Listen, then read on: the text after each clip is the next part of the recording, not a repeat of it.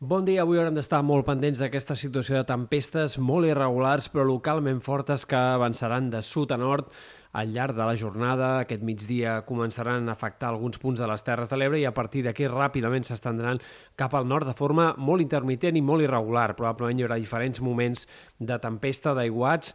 en aquest sentit, algunes de les novetats dels models de previsió d'avui, de les últimes actualitzacions, són que sembla una mica més probable que semblava ahir que les tempestes arribin també a comarques més interiors, no només a sectors de la costa i del prelitoral, per tant cal tenir en compte sobretot aquesta tarda vespre que alguns aiguats puguin arribar fins i tot a comarques centrals o fins i tot a àmbits de Ponent. I una altra de les novetats és que el risc d'aiguats probablement s'estengui una mica més enllà del que semblava ahir, eh, ben bé fins a la matinada, primeres hores d'aquest dijous. Alguns models de previsió apunten en aquest sentit, i fan pensar, per exemple, que en sectors eh, de la costa central o de la costa brava potser els aiguats més forts no arribin fins avançada la nit. Per tant, cal tenir en compte que aquests aiguats, aquestes pluges, encara que siguin molt irregulars, poden anar apareixent fins i tot de matinada encara o a les primeres hores d'aquest dissabte en algun cas.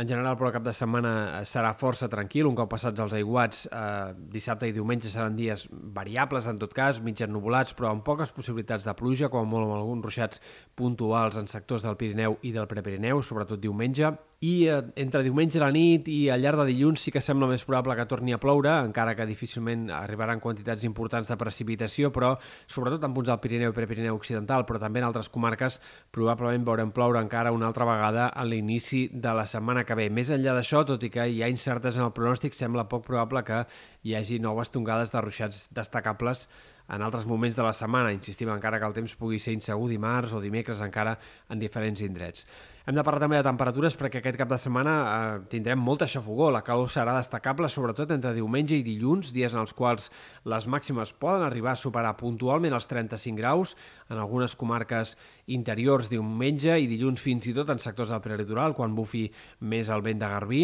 i per tant la calor que tornarà a ser intensa i protagonista clarament més forta del que caldria esperar a mitjans del mes de setembre. A mesura que avanci la setmana que ve, ràpidament anirem tornant a temperatures més normals per l'època i a més llarg termini és difícil entreveure quina serà la tendència més probable si tornarà una calor encara força intensa o si baixarà la temperatura de forma més significativa.